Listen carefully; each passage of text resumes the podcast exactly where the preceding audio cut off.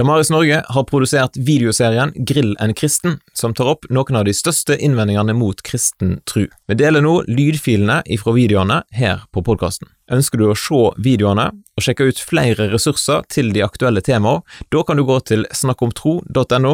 Der finner du dette under menypunktet Videoer. Genialt. Vi legger òg inn ei lenke i podkastbeskrivelsen. Denne gamle boka inneholder mye som er vanskelig å forstå, og mye som er vanskelig å akseptere. Og hva skal vi egentlig gjøre med Bibelen?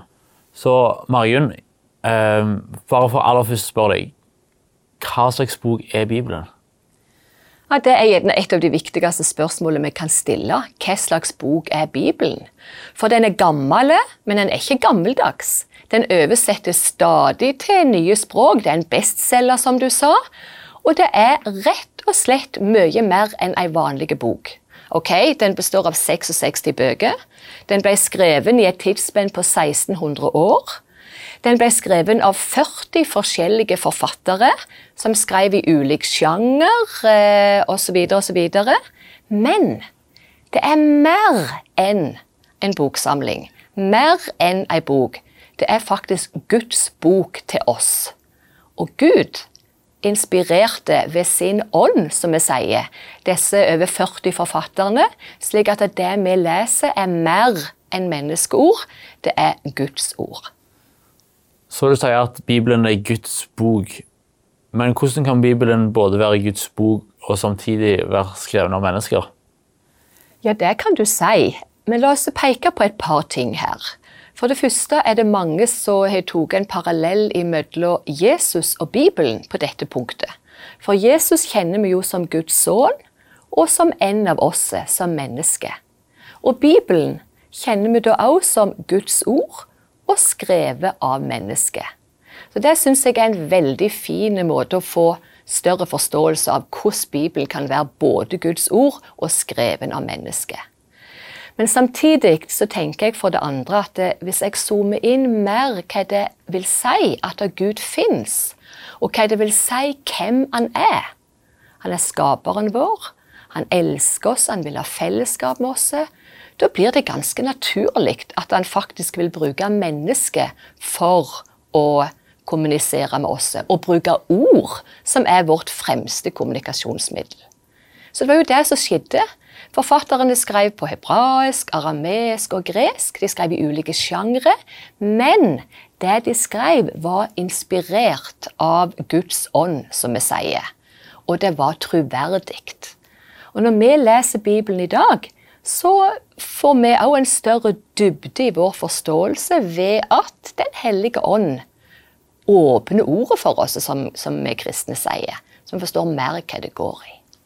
Ja, for Bibelen er skrevet av mange forskjellige forfattere over lang tid. Og Hvordan kan den ha noe å si for oss i dag? Ja, På tross av det veldige mangfoldet som du nå viser til, så er det faktisk slik at Bibelen er både forståelig for oss i vår tid, den er troverdig gjennom alle tider, og den er aktuell i alle tider. Til det med forståelse. Hvis vi tenker at vi leser et gitt avsnitt i Bibelen, så forstår vi jo det ut ifra sammenhengen det står i, og sjangeren det står i. Og så kunne vi snakket mye om forståelse videre òg, men la oss holde oss bare til det nå. Så til det med troverdighet. Der òg, tenker jeg, vi har minst to viktige innsteg. Det ene er innenfra-perspektivet. Jeg nevnte jo at Bibelen er inspirert av Gud sjøl.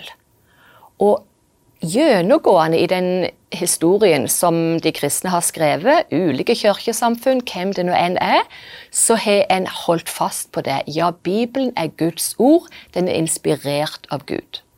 Hvordan kan folk være så enige det, om det? Ja, for det at eh, hvis en erkjenner Jesus som Herre, så er det en helt naturlig konsekvens å tenke at ja, Bibelen er faktisk Guds ord. Så det er innenfra perspektivet så har vi et utenfra-perspektiv som også sier noe om troverdigheten til Bibelen. For enten en sjøl har Jesus som herre i livet, enten en sjøl er personlig kristen, som det ofte sies, så kan en se på Bibelen og finne at den er troverdig historisk. Mange har f.eks. pekt på evangeliene i Det nye testamentet, som er så historisk troverdige at du finner ikke noe mer eksakt om Jesu liv og hvordan det var på den tida, enn det evangeliene faktisk formidler til oss. Men du sa òg at han er aktuell. Hva mener du med det? Ja, Bibelen er så til de grader aktuelle ved at den taler inn i mitt liv. Eller rettere sagt, Gud taler inn i mitt liv via Bibelen. Den sier meg noe om hva som er sant og godt og rett. Og den går tett på å avsløre når jeg bommer på mål eller synder, som vi sier i det bibelske språkbruken. Og hva jeg kan gjøre med det. At jeg kan få tilgivelse og oppreisning pga. det Jesus gjorde for meg. Der Jesus virkelig eh, levde prikkfritt og kan tilgi meg, slik at jeg kan reise meg og gå videre som et helt oppreist menneske. Så aktualiteten går virkelig på mitt personlige liv, så jeg forstår meg sjøl bedre. Og jeg forstår deg bedre. Og jeg forstår tida bedre ved å åpne opp for hva Bibelen faktisk formidler. Men er det egentlig noen sammenheng i Bibelen, eller hva er hovedbudskapet? Enkelt kan vi jo si at Jesus er hovedpersonen i Bibelen, og da blir jo hovedbudskapet knytta an til han. I Det gamle testamentet så pekes det framover mot denne Messias som skulle komme. Og Jesus er oppfyllelsen av alle de løftene.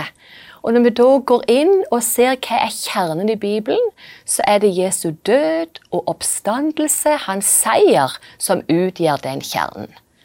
Og som jeg sa, Gamle testamentet peker fram til Jesu fødsel, og Det nye testamentet begynner med hans fødsel og hans liv og deler med oss hvordan den kristne kirka vokste til, utvikla seg, for å si det sånn. Og Jesus sjøl gir oss hovedbudskapet i Bibelen ved det som eh, han sier i Johannes 3, 16, som blir kalt Den lille bibel. Der står det jo For så høyt elska Gud verda, at han ga sønnen sin den eneste, så hver den som tror på Han, ikke skal gå fortapt, men ha evig liv. Der ligger kjernen. Det er det Bibelen først og fremst formidler til oss ved at det er Gud som taler og inspirerer altså de ulike forfatterne. Så Guds kjærlighetsbudskap får vi i Bibelen.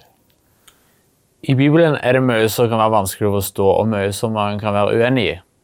Hvorfor kan han ikke bare da plukke vekk det vi ikke forstår? For det første så tenker jeg det er lite respektfullt å bare plukke vekk det en ikke forstår. Men helt ærlig, jeg er et menneske. Gud er Gud. Og innsteget for meg er rett og slett å tenke at jeg må erkjenne at det er en god del av det som Gud tenker, som Gud har en mening om, som jeg ikke begriper. Men det betyr ikke at det er en hel haug jeg ikke forstår. Det er så mye mer jeg forstår i Bibelen etter hvert som jeg går inn og ser hva er det egentlig som formidles her, og ser på sammenhengen det står i. Han eh, Luther, vet du, han med reformasjonen, han sa noe veldig klokt om at vi må prøve å lese de vanskelige områdene i Bibelen, og forstå dem ut ifra det som vi faktisk lett begriper. Og Vi snakket jo tidligere om at kjernen i Bibelen er den kjærligheten som Gud viser oss i Jesus. Og Det er bare ett eksempel på hvordan vi gjennom linsa Guds kjærlighet forstår så mye mer enn det vi i første omgang legger merke til. Og Guds kjærlighet i Jesus, det er jo hovedpunktet.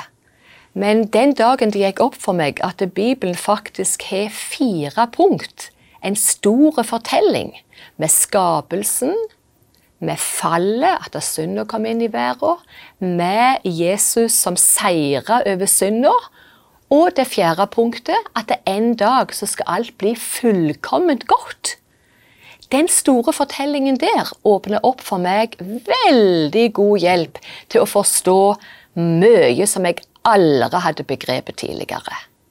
Så når vi tolker de ulike bibelavsnittene i lys av disse fire punktene i den store fortellingen, så er det mye som klarner. Da er det til og med sånn at eh, når jeg leser om bud og regler i Det gamle testamentet som jeg ikke fatter bedre av, så kan jeg forstå at til et gitt tidspunkt i historien, i en gitt kultur, til et gitt folk, så var det noe som ga mening, og Gud visste hva han gjorde.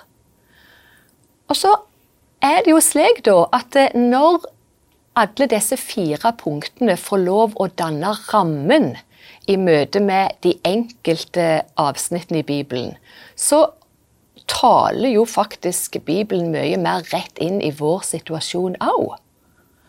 Og så er det jo slik at eh, alle tekster tolker vi, og alle tekster skal vi ha respekt for. Da ser vi på sjanger, da ser vi på sammenheng, da ser vi på kontekst, for å si det fint. Og ut ifra det så åpenbarer det seg rett og slett en mye større forståelse. Og så er det lettere for meg å slå meg til ro med det jeg ikke forstår, det jeg ikke begriper, når jeg ser at det hører til i den store fortellingen. Ja, for litt tidligere sa du at det var stor forskjell på å ikke forstå og ikke like. Hva mener du med det? Jeg mener rett og slett at det er en stor fare at vi bare plukker vekk det vi ikke liker, og at det er noe litt annet enn å slite med å forstå. Tenk bare på eh, hvordan vi i vår tid gang på gang får inntrykk av å, du må bestemme sjøl hva som er godt for deg. What's in it for me?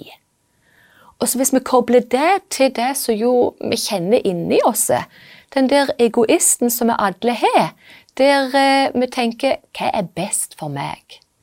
De to, stemmen i oss og alle stemmene utenfor oss, er veldig kjappe til å få oss til å tenke at når vi åpner Bibelen, så er det noe som vi bare vil plukke vekk, fordi at det passer ikke inn til sånn som jeg ønsker å leve livet mitt, det jeg syns er viktig, det jeg bryr meg om.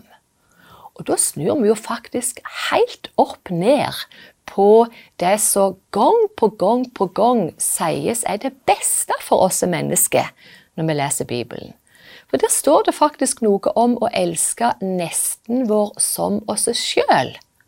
Og før det så står det at vi skal elske Herren vår Gud, òg av hele vår forstand. Så vi snur det opp ned, og da tror vi at det å lytte lytte til hva Bibelen sier om hva som er en god måte å leve på, hva som skal være rammene rundt eh, våre liv, at det blir ei tvangstrøye i plassen for at det er der vi kan leve som hele mennesket, leve et godt liv. Alt ifra eh, dette med hvordan eh, jeg skal forvalte det jeg eier, der Bibelen sier noe om å være raus og dele, til hvordan jeg skal leve med min seksualitet. Det som Bibelen formidler, er ikke sikkert jeg liker i første sving, nei. Men det er faktisk det beste for meg. Det er det beste livet å leve innen de rammene der. Så for å oppsummere, sier du egentlig da at hele Bibelen er relevant for oss i vår tid? Ja, det sier jeg absolutt. Gud har noe han vil fortelle oss.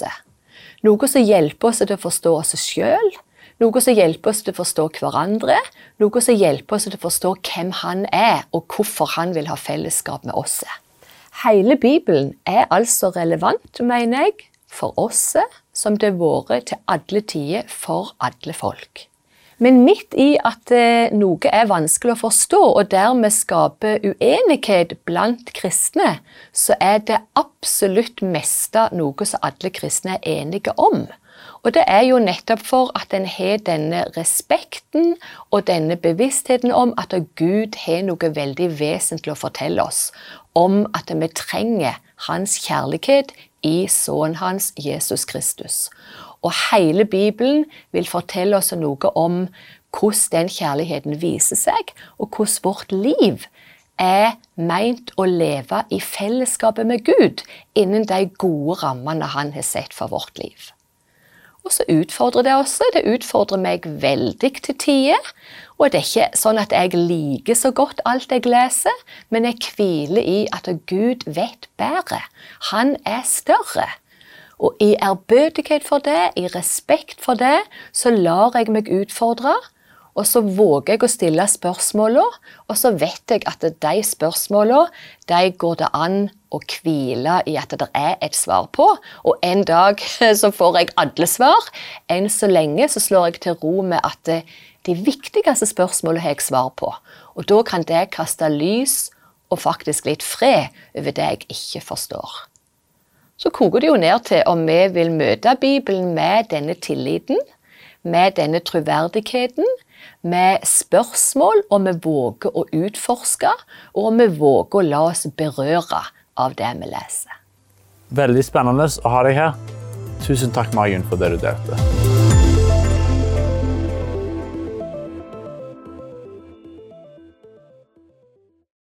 Vil du støtte arbeidet til Damaris Norge, sånn at vi kan produsere flere ressurser? Da kan du gå til damaris.no bidra.